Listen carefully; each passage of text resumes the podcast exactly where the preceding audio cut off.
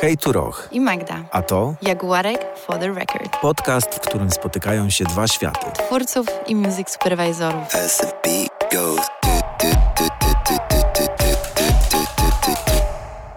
Dzisiaj jest z nami Kuba Pietrzak, absolwent Wydziału Reżyserii Dźwięku Warszawskiego Uniwersytetu Muzycznego imienia Fryderyka Chopina. Reżyser dźwięku, multiinstrumentalista, kompozytor, sound designer, a na co dzień pracuje w studio Juice. Muzyczny i dźwiękowy pasjonat, wielokrotny laureat nagrody KTR w kategorii Dźwięk Sound Design. Pracował m.in. przy krótkometrażowej animacji nominowanej do Oscara Katedra – a ostatnio przy zwiastunie gry Cyberpunk 2077, za który otrzymał kolejne wyróżnienie w kategorii Best Sound Design na KTR. Dzień dobry wszystkim. Witamy Was wraz z Magdą w nowym odcinku podcastu Jaguarek for the Record.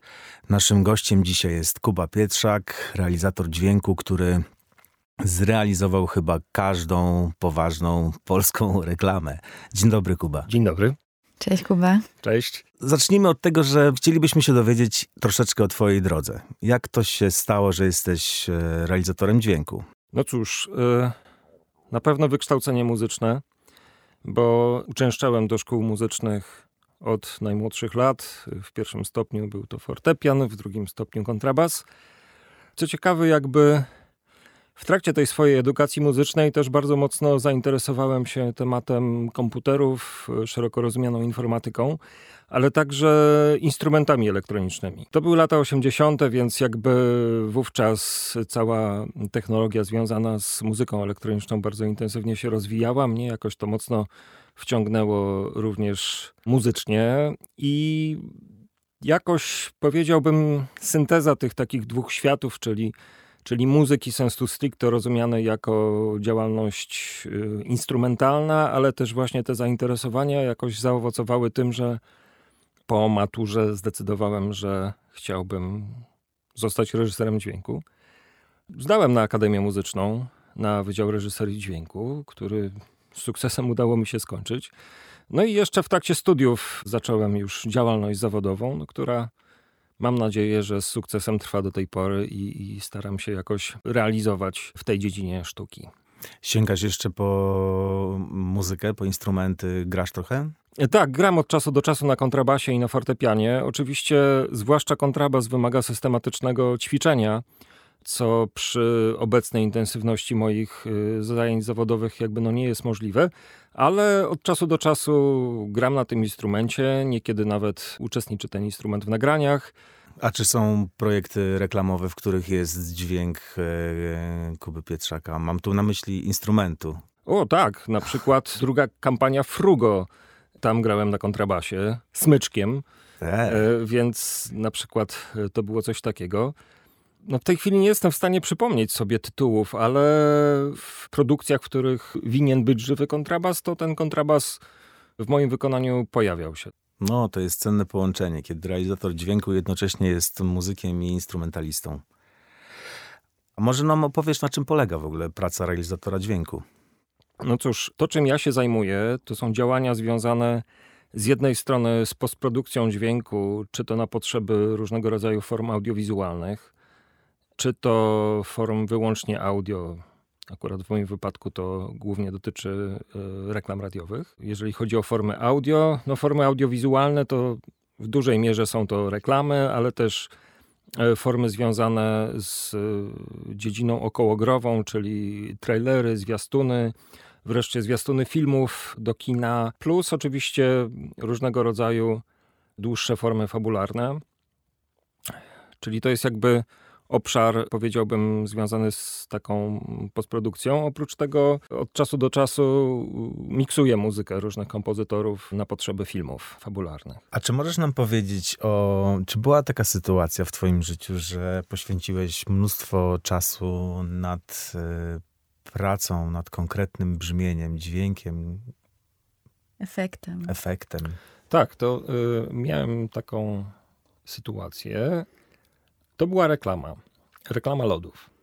I sytuacja wyglądała w ten sposób, że było ujęcie makro, czyli ujęcie zrobione z bliska, gdzie trzy czwarte ekranu wypełniała łyżka, która jakby nabierała wspomniany produkt z pudełka. I musieliśmy się zastanowić, w jaki sposób to udźwiękowić. Oczywiście, jakby można było próbować nagrać, jak to brzmi faktycznie, tylko jest problem taki, że to w ogóle nie brzmi. Więc e, sprowadziło się do tego, że e, pobiegłem na pobliski bazarek do zieleniaka i zakupiłem troszeczkę owoców i warzyw. Ostateczny efekt był złożeniem skręcania selera naciowego i ściskania grapefruita. Ponieważ seler naciowy jakby trzeszczy i pęka w taki charakterystyczny sposób, który gdy patrzyliśmy na obrazek i słyszeliśmy ten dźwięk, no to myśleliśmy, no tak, to są po prostu te drobne, drobne cząsteczki lodu, które pękają. A z kolei no, grapefruit był odpowiedzialny za soczystość tego, tego dźwięku. W związku z tym, jakby, y, no to, to, był tak, to, to była rzeczywiście taka typowa praca sound designerska i próba stworzenia dźwięku, który brzmi prawdopodobnie i niesamowicie, nie będąc pod względem źródła zupełnie tym, co widać. Nasz podcast skupia się bardzo w okolicy muzyki. To jest jakby temat y, dla nas numer jeden. I powiedz mi, jak to wygląda z Twojej strony? Dostajesz projekt, powiedzmy reklamę, i jak to jest? Jak się zabierasz do montażu muzyki? Czy ona już jest wybrana wcześniej? Jaki jest ten cały proces? To jest, bym powiedział, sytuacja bardzo zróżnicowana. Tak, oczywiście zdarza się, że klienci przychodzą z y, uprzednio wybraną muzyką, którą, nie wiem, współpracując z reżyserem, z działem kreacji, z klientem, wreszcie kompozytorami czy bankami muzyk udało się coś takiego ustalić. Nie powiem, że to jest sytuacja najczęstsza, myślę, że raczej nie. Zazwyczaj wygląda to w ten sposób, że y, dostajemy zmontowany obraz i zaczynamy o tej muzyce rozmawiać. Bardziej to jest rozmowa o emocjach, bardziej jest to rozmowa o nastrojach, bardziej jest to rozmowa o funkcji, którą ta muzyka ma spełniać, czyli mówiąc krótko, czy ma ten obrazek napędzić, czy może wręcz przeciwnie, mm, zadaniem muzyki jest osadzić ten obrazek, jeżeli by rozmawiać o dynamice takiego obrazka, prawda? Natomiast gdy udaje się nam ustalić z grubsza, jakiego typu ma być to funkcja, jakiego typu emocja ma być wniesiona do danej produkcji, no to wtedy zaczynamy rozmawiać o stylistyce, o instrumentacji, o powiedziałbym, czy to ma być muzyka współczesna, czy może ma to być muzyka z jakiegoś konkretnego okresu. Nie wiem, niech to będzie disco z lat 70., albo jakiś psychodeliczny rok z lat 60., a może muzyka klasyczna, ale na przykład w nowoczesnym wydaniu. Więc powiedziałbym, że to jest, to, to, to jest kwestia rozmów, ustaleń, a następnie y, wielu prób przyłożenia takiej muzyki, czyli mówiąc krótko, staramy się taką muzykę znaleźć, a następnie spróbować zmontować. I razem siedzicie z klientami, szukacie w bankach, czy, e, czy No nie, to, tak, to, to, to, to, to się... Są castingi? To się, to się raczej bardzo rzadko zdarza, żeby, żebyśmy robili to wspólnie.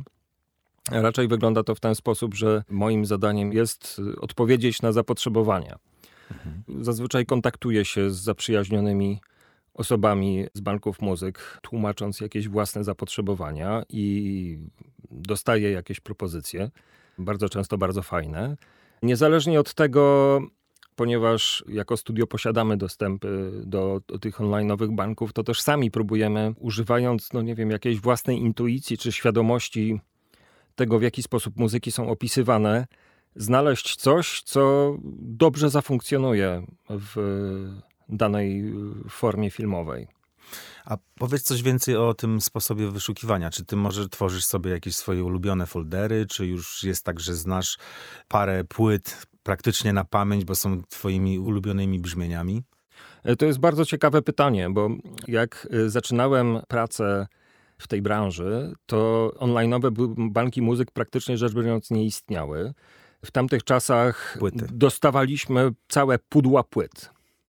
Pamiętam, rozwoziłem też takie pudła jeszcze dawno temu. I tak Jak ja zaczęłam, to były takie mity o tych historiach, jak to z banka To wtedy trzeba było mieć samochód z dużym bagażnikiem albo wręcz taką półciężarówkę. To znaczy, mówiąc brutalnie, tych płyt były setki. Tak.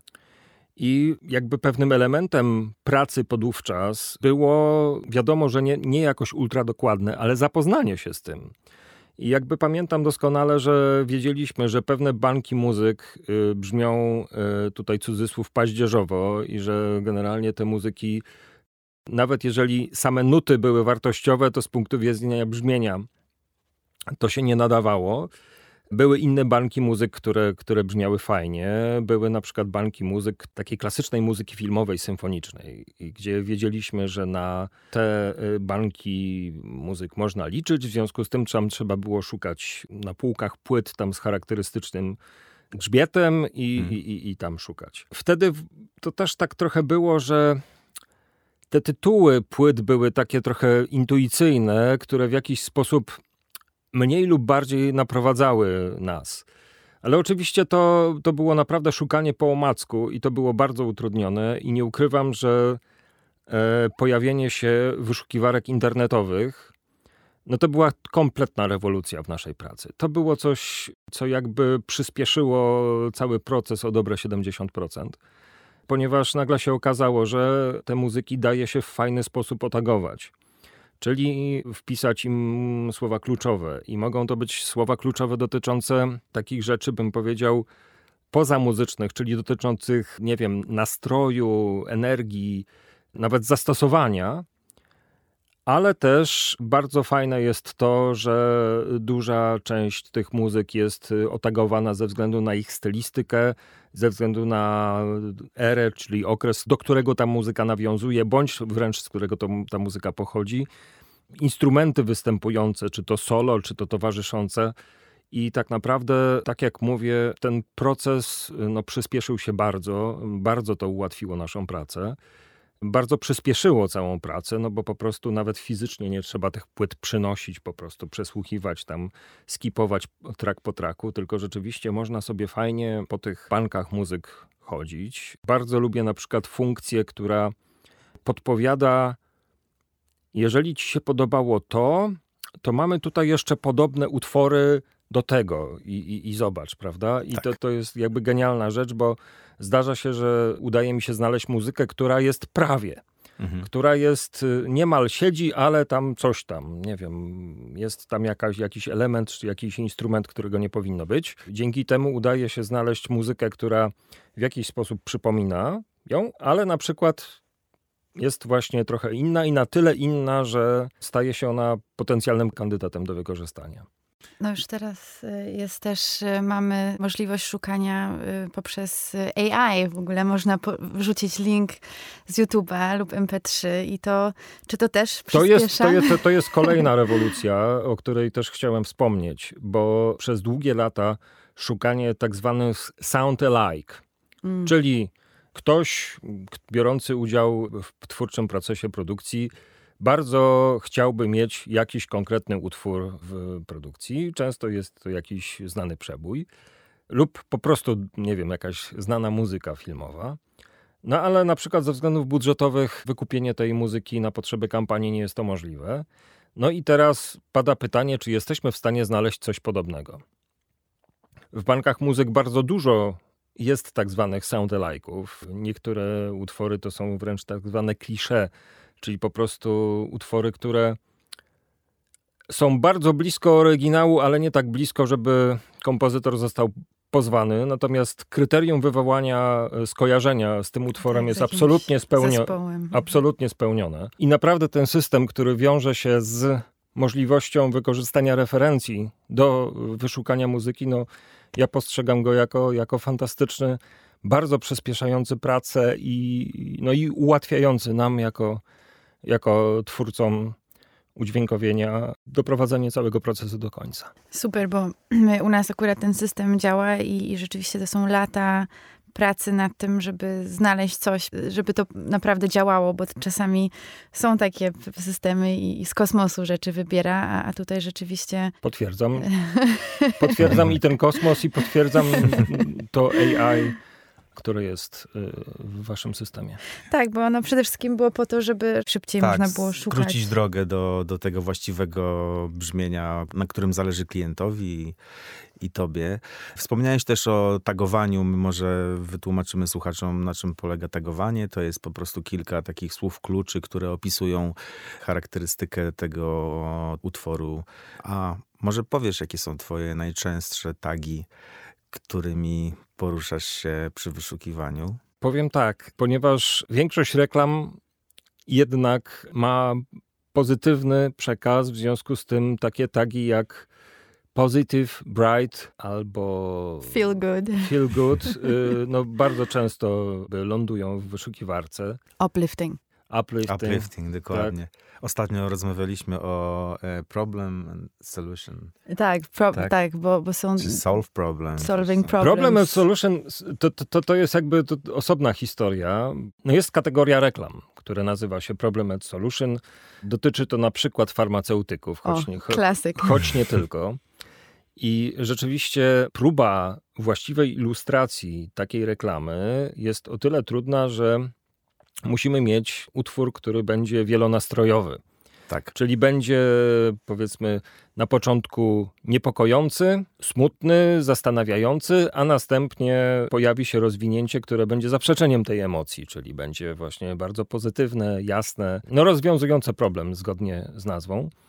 Nie ukrywam, że w większości przypadków, które miałem dotychczas, lądujemy z dwoma muzykami, które na tyle, na ile jest to możliwe, staramy się spasować, jeżeli chodzi o instrumentację, czy nawet tonację, tak żeby no, jednak można było odnieść wrażenie, że ten utwór stanowi pewną taką fajną całość, mimo tego, że składa się z dwóch osobnych traków.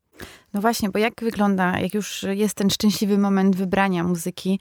Są oczywiście wersje 30 sekund, 15 sekund, ale to chyba nie jest tak, że podkładasz 30. Nie, nie, nie. Bym powiedział, że y, to się nawet nie zdarza. Moimi ulubionymi wersjami są oczywiście wersje pełne, czyli zazwyczaj to są dwu, trzy, czterominutowe utwory, gdyż y, dzięki nim mogę ten utwór zmontować. Czyli mówiąc krótko, pociąć go w taki sposób, że wykorzystam pewne fragmenty, pewne fragmenty wytnę. Przy czym montaż muzyki jakby jest o tyle ważny, że te cięcia muszą mieć muzyczny sens. Czyli y, musi y, zgadzać się fraza, musi zgadzać się taktowanie, musi zgadzać się rytmika y, i musi to być zrobione w taki sposób, ażeby słuchacz, nawet wówczas jeśli jest muzykiem, nie mógł odnieść wrażenia, że tam jest coś pocięte, że tam jest coś nie tak. Czyli mówiąc krótko, jest to kwestia pewnego rodzaju wyobraźni i umiejętności zestawienia poszczególnych części utworu w taki sposób, żeby, tak jak wspominałem, to frazowanie, taktowanie zgadzało się no, z rytmiką i, i jakby z układem całego utworu. Jeszcze ciekawszą formą montowania muzyki jest y, dostęp do tak zwanych stemów. Właśnie czyli, miałem zapytać. Czyli, czyli rzeczywiście część twórców, część kompozytorów, oprócz utworów, powiedzmy, w kilku wariantach aranżacyjnych, udostępnia warstwy tego utworu, co w praktyce oznacza, że są to po prostu y, wszystkie użyte instrumenty jako osobne ścieżki. No i wtedy możliwości y, jakby rozszerzają się radykalnie, ponieważ można ingerować w samą instrumentację utworu, y, można zmieniać jego aranżację, można nawet próbować jakby zmienić strukturę, ale z drugiej strony jakby wszystkie te zabiegi sprowadzają się do tego, ażeby obrazek, pod którym ta muzyka zafunkcjonuje, był jak najlepiej tą muzyką wsparty, jak najlepiej zilustrowany, czy jak najlepsze, jak najwłaściwsze emocje wprowadzał do tego, do tego projektu. E, no ja nie ukrywam, że uwielbiam pracować na stemach. To jest coś, coś wspaniałego i to jest y, z mojego punktu widzenia kolejna rewolucja, nie dużo mniejsza niż ta, która pojawiła się, kiedy zaczęliśmy muzykę wyszukiwać przez internet. Mhm. A czy jest to coś, czego ci cały czas jeszcze brakuje w tych zbiorach? Hmm. Gdybym miał powiedzieć, czego mi brakuje. Wiadomo, że rynek muzyczny obecnie zmienia się bardzo szybko. E, pojawiają się nowe style, nowe, nowe, nowe gatunki muzyki wręcz. No i oczywiście e, bardzo często w sytuacji, kiedy dany gatunek muzyki jest modny, no to chce się coś takiego użyć w produkcji, ale nie zawsze jest taka możliwość, ponieważ jakby kompozytorzy często najzwyczajniej związani z bankami muzyk najzwyczajniej w świecie nie zdążyli zareagować jeszcze i stworzyć coś, co by wpisywało się w tę stylistykę. I to jest jakby jedna rzecz, e, która jest akurat myślę, że stosunkowo prostsza, bo metodą prób i błędów, jakichś tam rozmów i negocjacji można znaleźć jakieś inne rozwiązanie, mhm. które, które nie będzie dokładnie tym nowym, jakby najnowszym krzykiem mody, nie wiem, hitem z poprzedniego miesiąca, tylko będzie czymś innym, ale będzie równie ciekawe. Natomiast to, z czym od czasu do czasu zdarza mi się zmagać, to są rzeczy związane z naszym rejonem geograficznym, a też nawet konkretnie z Polską. Na przykład, jeżeli potrzebujemy czy to muzyki ludowej sensu stricto, takiej, takiej rootsowej, ale też na przykład czegoś, co jest inspirowane muzyką ludową, ale przetworzone na nowoczesny sposób. Nie mogę powiedzieć, że tego rodzaju zapytania są częste, ale miały w przeszłości miejsce i rzeczywiście trzeba było w jakiś sposób na to odpowiedzieć. Też ciekawą rzeczą są kolendy, bo zdarza się, że niektórzy klienci chcą mieć polską kolendę, że niekoniecznie We Wish You Merry Christmas i Let tak. It Snow, tylko, tylko właśnie coś, co jest bardziej tutaj związane z naszą tutaj szerokością i długością geograficzną i, i, i z naszą tradycją. Także powiedziałbym, że chyba to są takie dwa obszary, które potencjalnie można by jeszcze eksplorować od strony pozyskania twórców i ich twórczości. Notujesz, Roch? Tak, tak, oczywiście. E, każdy z tych gatunków tak naprawdę faktycznie ma zastosowanie dosyć rzadko, ale czujemy też potrzeby i, i reagujemy na nie jak najszybciej, jak jako biblioteka muzyczna.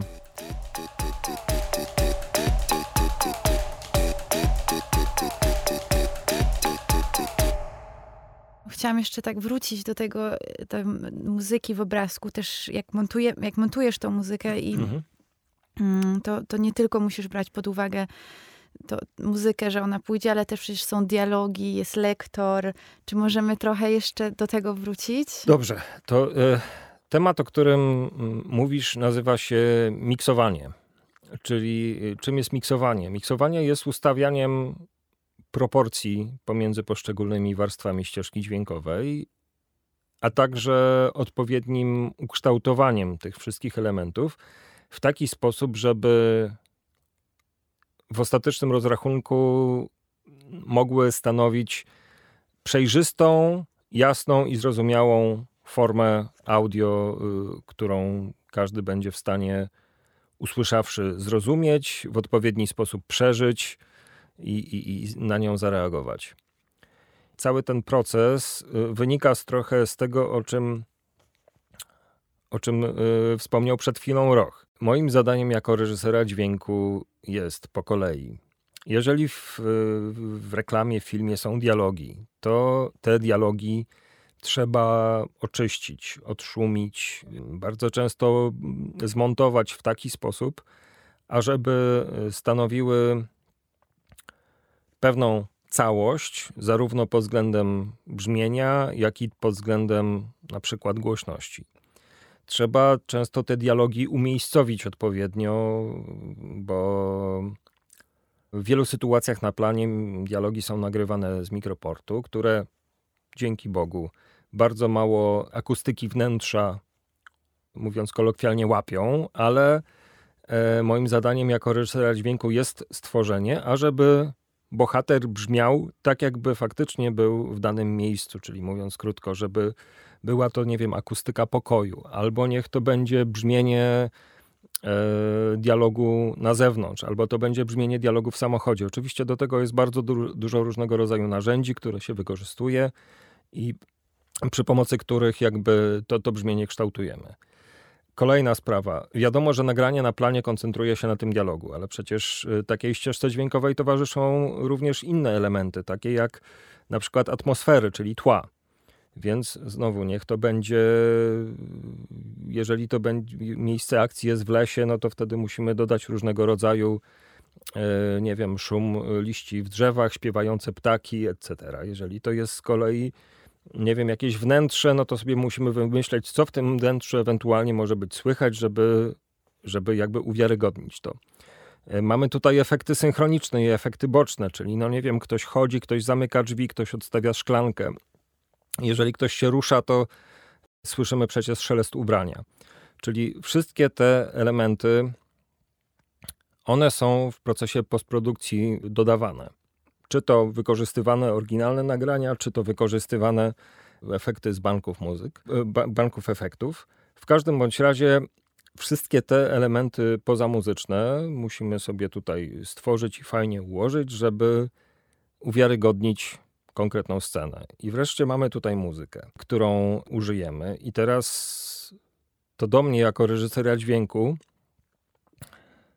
należy zadanie stworzenie takich wzajemnych relacji i pod względem głośności, i pod względem na przykład pasma, czyli mówiąc bardziej ogólnie brzmienia, żeby te wszystkie elementy nie przeszkadzały sobie, tylko wręcz przeciwnie sobie pomagały to, to zadanie nazywa się właśnie miksowanie dźwięku.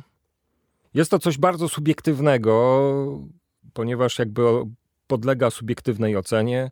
Następnie nasi klienci słuchają tego jeszcze na różnych sprzętach, w różnych warunkach.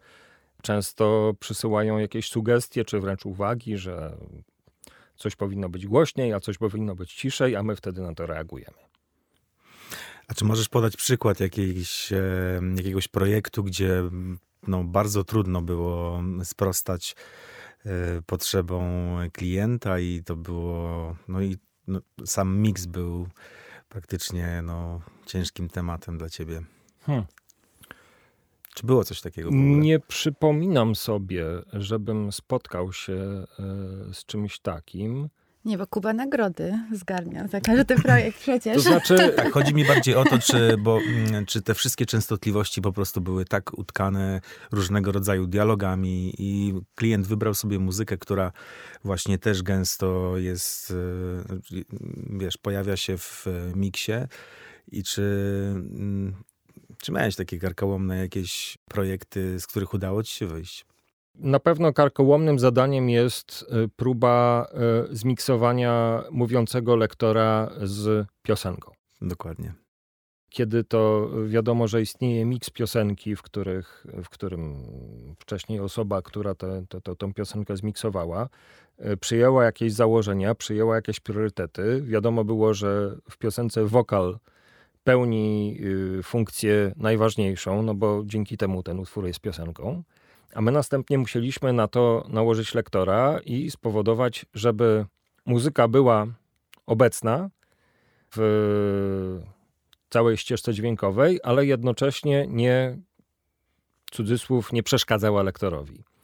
Ponieważ zarówno tutaj mamy do czynienia z głosem, jak i tutaj mamy do czynienia z głosem, oczywiście są to różne rodzaje ekspresji, niemniej jednak od strony częstotliwości to są, to są bardzo podobne źródła. W związku z tym, no to jest rzeczywiście karkołomne zadanie. No i tutaj y, fantastycznie, jeżeli jest dostęp do stemów, ponieważ wtedy można w inny sposób ukształtować głośność y, wszystkich instrumentów, a nieco inny głośność głosu wokalisty czy wokalistki w kontekście mówiącego lektora. Gdybym nie miał dostęp do tych stemów, no to muzyka w tym miejscu, gdzie głos lektora i głos wokalisty czy wokalistki najbardziej by konkurował ze sobą, no to ta muzyka by się zapadała. I mówiąc delikatnie, jeszcze 10 czy 15 lat temu tak, tak po prostu było i troszeczkę nie było wyboru, no bo y, musieliśmy podjąć y, tego rodzaju decyzję, czy chcemy jednak dobrze tego lektora słyszeć, czy próbujemy się mimo wszystko przepchnąć z muzyką, taka, żeby ona, ona była bardzo obecna.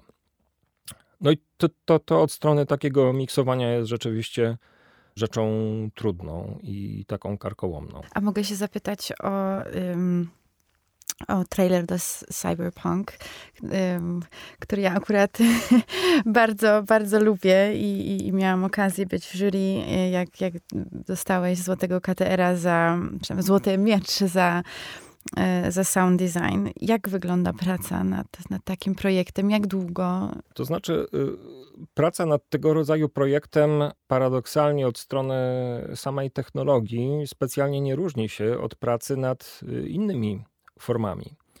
E, zasadnicza różnica jest taka, że zwiastuny do gier są formami animowanymi. W związku z tym e, sam proces powstawania obrazka jest trochę bardziej rozciągnięty w czasie i jakby z dość dużym wyprzedzeniem powstaje pewnego rodzaju forma animacji, która umożliwia nam pracę, która jeszcze nie jest wykończona od strony wyglądu, czyli animatorzy 3D musieliby się wypowiedzieć, ale dotyczy to, nie wiem, jakichś rzeczy związanych y, z teksturami, z cząsteczkami, tak, tak, tak, z, z, z, czego, z czego rodzaju online, finishingiem i tak dalej, i tak dalej. Więc jakby pod tym względem mm, różni się to od sytuacji typu live action, że live action został nakręcony, został zmontowany, no i teraz jakby trzeba robić, bo jakby pod względem merytorycznym tam już się niedużo zmieni. Natomiast tutaj jest sytuacja taka, że że rzeczywiście ten proces animacji jakby musi, musi powstać wystarczająco wcześnie, żeby następnie te wszystkie jakby różnego rodzaju aspekty związane ze stroną wizualną e, zwiastunu dopracować. Natomiast y, cała reszta wygląda podobnie. Oczywiście to bym powiedział trochę bardziej też przypomina pracę z, z formami animowanymi, powiedzmy niegrowymi, prawda? Jak sobie przypominam, jak robiliśmy z Tomkiem Bagińskim jego krótkie animacje, no to ten proces wyglądał paradoksalnie tak samo, czyli dialogi. No dialogi do takiego czegoś są, do takiej formy są nagrywane w studiu, więc rzeczywiście od strony ich, bym powiedział, takiej technicznej czystości tutaj jest sytuacja bardziej komfortowa, no bo one są już od razu czyste, y, nie trzeba ich, nie wiem, dodatkowo odszumiać czy, czy, czy przeprowadzać jakichś innych procesów. Natomiast y, pozostała część udźwiękowienia, no cóż, nie istnieje dźwięk z planu. Czyli wszystkie, ale to wszystkie elementy trzeba wytworzyć, nagrać w studiu każdy najdrobniejszy szelest, każdy efekt synchroniczny. W przypadku projektów typu cyberpunk zawsze pozostaje kwestia kreacji dźwięku do zjawisk, które nie istnieją. Czyli mówiąc krótko, naszym zadaniem jako reżyserów dźwięku jest pewnego rodzaju e, rzeczy, rekwizyty, czy tak jak mówię, zjawiska dźwiękiem uprawdopodobnić. No i tutaj to jest oczywiście praca twórcza, która wymaga bardzo często nagrywania różnego rodzaju dziwnych rzeczy, następnie przy pomocy różnego rodzaju urządzeń, pluginów, przekształcania tych dźwięków no, w taki sposób, żeby no tak, bo wy jesteście, to świat y, totalny sci-fi i jak wygląda taka kreacja tego, tego stworzenia tego światu dźwiękowego, który właśnie mówisz nie, nie istnieje. To jest... Y, to Czy jest, to z reżyserem To jest kwestia mhm. z jednej strony naszej wyobraźni, ale z drugiej strony absolutnie ścisłej współpracy z reżyserem, z dyrektorem kreatywnym, i bardzo wielu rozmów, y, referencji, zastanawiania się, jakie to coś powinno być. W przypadku gier też nierzadko jest tak, że jeśli dany trailer powstaje już na późnym etapie developmentu gry, no to wiele rozwiązań dźwiękowych y, zostaje już wcześniej wymyślonych, bo one już występują w grze, czyli w związku z tym na przykład to y, może być użyte jako źródło inspiracji, żeby na przykład rozwinąć y, dany element pod względem dźwiękowym i coś takiego zastosować, dzięki czemu mamy te światy gry właściwej oraz tego zwiastunu, który grę zapowiada, yy, uspójnione. Jak rozmawiamy z, z różnymi twórcami w reklamie, to dla nich zawsze problemem jest właśnie ten opis muzyki, tego briefu muzycznego. Gdzieś tam można się wspomóc yy, jakimiś linkami, referencjami muzycznymi, A powiedz mi, um, e, czy ty czasem wchodzisz w taką rolę między reżyserem a kompozytorem, tak. że, że pomagasz? Na czym tak, polega? To, tak, zdarza się, dlatego mhm. że muzycy są przyzwyczajeni do rozmowy między sobą o muzyce przy pomocy terminów muzycznych, stricte muzycznych, czy wręcz żargonu muzycznego. I jak się okazuje, dla kogoś, kto w tej muzyce funkcjonuje niemal przez całe życie, są to jakieś określenia czy, czy terminy zupełnie oczywiste, podczas gdy dla osób, które z tą muzyką nie mają nic wspólnego, poza byciem, nazwijmy to, konsumentem tej muzyki, cały ten świat pojęć i terminów jest czymś zupełnie obcym. I teraz tak. Muzyka, w szczególności kiedy występuje w formie mm, audiowizualnej, no pełni jednak rolę służebną. No to chyba, że jest teledyskiem, no ale to jest jakby osobna historia. Natomiast y, pełni rolę służebną. A zatem musi spełniać pewne kryteria, no nie wiem, dramaturgiczne, emocjonalne itd., tak itd. Tak Bardzo trudno jest w ścisły sposób skonkretyzować, nie używając terminów muzycznych, jakie to ma być. Czyli znowu dochodzimy tutaj do, do sytuacji tak naprawdę tworzenia listy takich tagów, tylko że dla kompozytora, że to ma być pozytywne, że to ma nieść, że tutaj poprosimy o jakieś przełamanie, a tutaj chcielibyśmy, żeby widz poczuł się jak w kosmosie. No, no jakby, czyli są to, to bym powiedział, takie bardziej określenia poetyckie, określenia związane właśnie z nastrojem, z emocją. Zadaniem każdego kompozytora jest tak naprawdę przełożyć to zapotrzebowanie tychże nastrojów czy tychże energii, przełożyć na, na język dźwięków.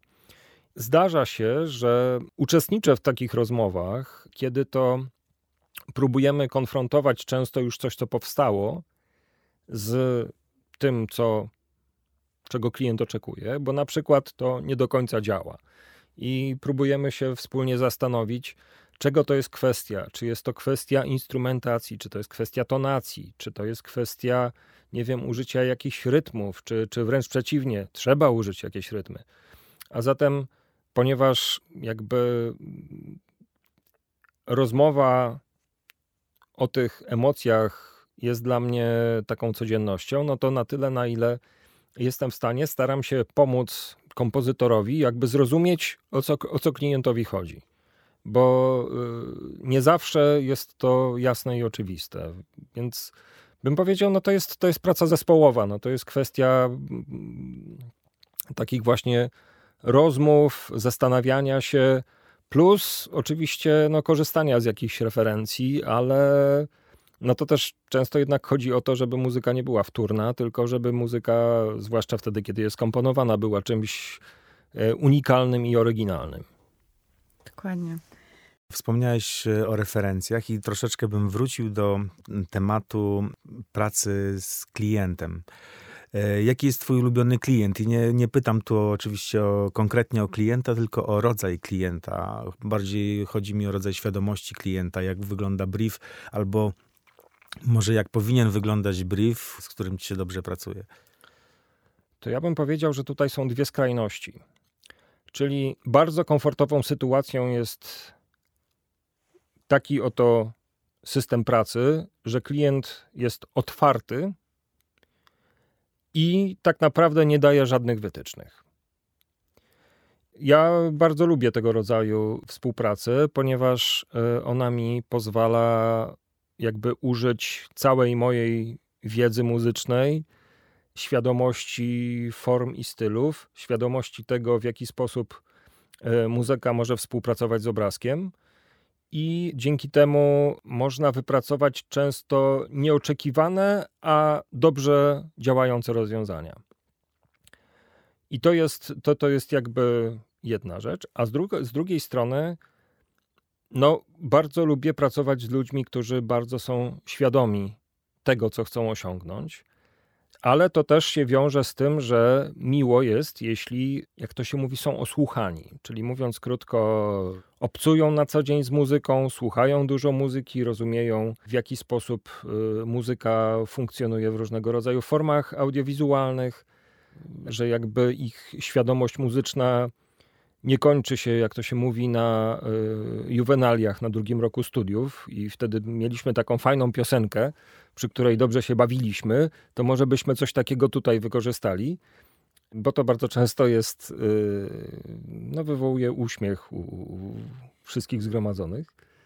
Tylko jednak, jeśli ta świadomość muzyczna ma miejsce, no ale to jakby świadomość tego, czego się chce i, i, i, i, świadomość muzyczna, no to tak troszeczkę idzie w parze. Czyli mówiąc krótko, to jest bardzo fajna sytuacja, bo, bo, bo ona często wiąże się z bardzo takimi twórczymi dyskusjami, kiedy jest rozmowa o różnego rodzaju, nie wiem, twórcach muzyki, kompozytorach, nie wiem, zespołach, y, wokalistach itd., itd., itd. No oczywiście najtrudniejszą sytuacją jest to, kiedy tutaj mamy skrzyżowanie tych dwóch rzeczy, czyli jakby mm, niby wiemy, czego chcemy, ale nie za bardzo wiemy, jak to osiągnąć.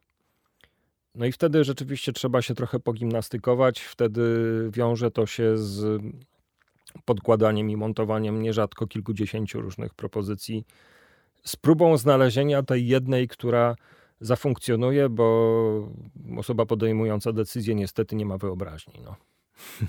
Czy masz w takim razie, czy, czy w ogóle chce ci się po całym dniu pracy jeszcze mm, słuchać muzyki? Czy znajdujesz na to przestrzeń?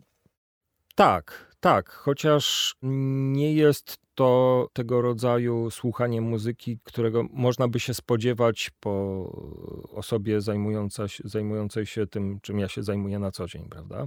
Na przykład w moim domu nie istnieje tak zwana muzyka tła.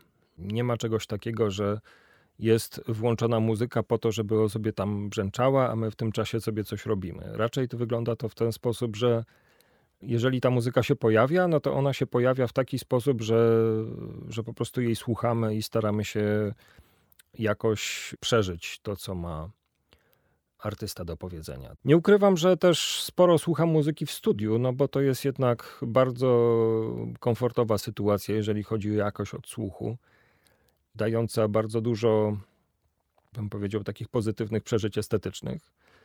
Jakkolwiek y, w domu raczej słucham muzyki na sprzęcie, który, jakby to powiedzieć, powoduje, że nie czuję, że jestem w pracy, czyli jakby nie skłania mnie do analitycznego słuchania i zastanawiania się, w jaki sposób dana muzyka została nagrana czy wyprodukowana, tylko daje mi szansę przeżyć muzykę sensu stricto, bez, bez, tak jak mówię, jakiejś dogłębnej analizy utworu.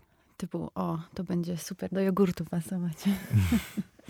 No ale zdradzisz nam na przykład, czego słuchasz w domu, bo rozumiem też na pewno, że ogląda, oglądacie koncerty. Tak, to... tak, tak, ale to, to, to, to, jest, to jest przekrój. Powiedziałbym, że oczywiście klasyka to jest coś, z czego wyrastam.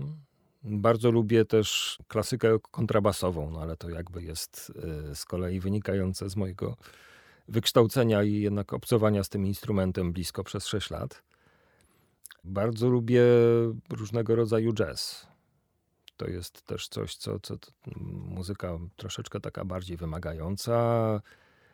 E, I też nawet nie jest w stanie tutaj wskazać jakiegoś konkretnego kierunku, bo, bo, bo na pewno jest to i bebop, i big bandy, bo to też z kolei przypomina mi się jakaś tam dawna działalność, kiedy grałem przez jakiś czas w big bandzie, ale też na pewno Fusion i, i Jaco Pastorius, e, ale na pewno też projekty Chica Corii, Electric Band pierwszy, drugi, Acoustic Band, ale też nawet jakieś takie lżejsze rzeczy typu, no nie wiem, e, Steps Ahead na przykład. O, rok progresywny, Rush uwielbiam. W ostatnim czasie troszeczkę zainteresowałem się e, sceną norweską. Tam funkcjonuje sporo bardzo ciekawych artystów. No nie wiem, as a Kite, albo Royce Cobb, albo Susan Sunflower. to są takie zjawiska, które jakoś tak troszeczkę mnie wciągnęły. To w ogóle ciekawa sprawa jest, bo ki kilka lat temu Aha nagrali fenomenalny koncert akustyczny w studiu Giske w Alesund. I y, w jednej z piosenek jako gościnna artysta wystąpiła y, Ingrid Helen Howik, y, która jak się okazała jest no, liderą, liderką tego zespołu High Kite. I tak to troszeczkę tędy to zainteresowanie poszło i mm, muszę powiedzieć, że to jest bardzo ciekawe podejście do, do współczesnego popu, które jakby posiada kompletnie inną emocjonalność niż y, to, co mamy tutaj w naszej części Europy lub w szczególności w Stanach. No tak, Skandynawia muzyką stoi. Bardzo. Oj, zdecydowanie, Oj, tak. zdecydowanie. Syndrom sztokholmski. No dobrze, ja może jeszcze, właśnie. Ja, ja tu jeszcze mam na mojej liście Wiesz co, mieliśmy spotkanie z Tomikiem, menadżerem Kai e, i właściciel e, kajaksu. Jak wiadomo, trochę on stoi na straży polskiej muzyki i on tak bardzo wyraźnie dał nam do zrozumienia, że jest zawiedziony, że nie ma tak dużo polskiej muzyki w reklamach. Dlaczego tak to wygląda? Klienci nie sięgają po to. E, a ja powiem szczerze, że też zastanawiam się, dlaczego to tak jest. Na pewno jest świadomość procesu komponowania oryginalnych muzyk czy oryginalnych piosenek do reklam i to jest proces długi, bardzo trudny dla wszystkich, wymagający zarówno od strony takiej, powiedziałbym, cierpliwości, jak i też wiedzy i świadomości muzycznej.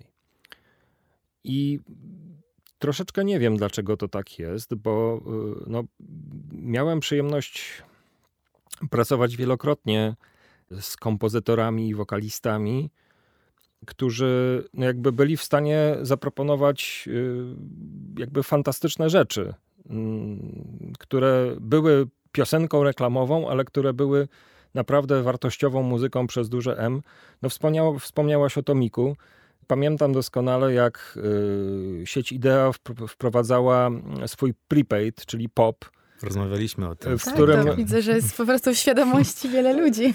Jakby wystąpiła Kaja, ale Kaja też skomponowała fantastyczny utwór do tego, który znakomicie zafunkcjonował. Był y, nośny, melodyjny, nowoczesny i niebanalny. I, I naprawdę do dzisiaj z, dużą, z dużym sentymentem wspominam tę produkcję, bo, no bo po prostu przypominam sobie doskonale, jak, jak wielką wartością ta piosenka była w, w samej reklamie. I jakby obraz był, bym powiedział, takim bardziej teledyskiem, który niósł tą piosenkę i no przynajmniej ja do dzisiaj Pamiętam ją doskonale. No cieszymy się, że to mówisz, ponieważ w rozmowie z Tomikiem poruszyliśmy ten e, wątek o, i rozmawialiśmy wtedy o utworach, które powstają na potrzeby jakiegoś mm, projektu reklamowego i przenikają płynnie do codziennego życia i zostają w głowach słuchaczy na lata, czego ty teraz jesteś e, żywym przykładem, bo wróciliśmy wielkim łukiem do tego samego tematu. A czym jest dla ciebie piosenka reklamowa? Czym jest dla mnie piosenka reklamowa? Ojej, to trudne pytanie. Hmm. No, yy, piosenka reklamowa na pewno musi mieć znamiona przeboju, ale w pozytywnym tego słowa znaczeniu, czyli e, musi mieć linię melodyczną, która anglosasi mówią na coś takiego catchy Czyli to jest coś, co y, będzie w stanie zwrócić uwagę słuchacza. Mój ulubiony tag. Catchy. Catchy. I to jest coś takiego, co, co, co, co wywoła taką reakcję, że po dwóch czy trzech przesłuchaniach ludzie zaczną sobie za, zadawać pytanie, a co to jest, ta, czy, czy, czy jest jakaś dłuższa forma tego na przykład? Czy to jest oryginalna piosenka, czy to zostało napisane tylko na potrzeby tego utworu? No a poza tym, no to jest, y, bym powiedział, no na pewno produkcja, aranżacja, ale absolutnie rzeczą podstawową jest linia melodyczna i dobrze napisany tekst, bo jakby te dwie rzeczy no, muszą się nawzajem fajnie uzupełniać. czyli rytmika tekstu musi się dobrze wpisywać w frazę, we frazę i na odwrót. No bo wtedy ludzie zaczynają to nucić, ludzie zaczynają kojarzyć, no z brandem mówiąc krótko, no bo do tego to, do tego to się sprowadza. Dokładnie. Dziękuję Kuba, że nas przyjąłeś Dziękuję pięknie. w swoim studio. Cieszę się, że mogę was gościć. Dzięki za wysłuchanie naszego podcastu. Jaguarek for the Record, realizowanego przez Sounds and Stories. Znajdziecie nas na jaguarek.pl. Do usłyszenia.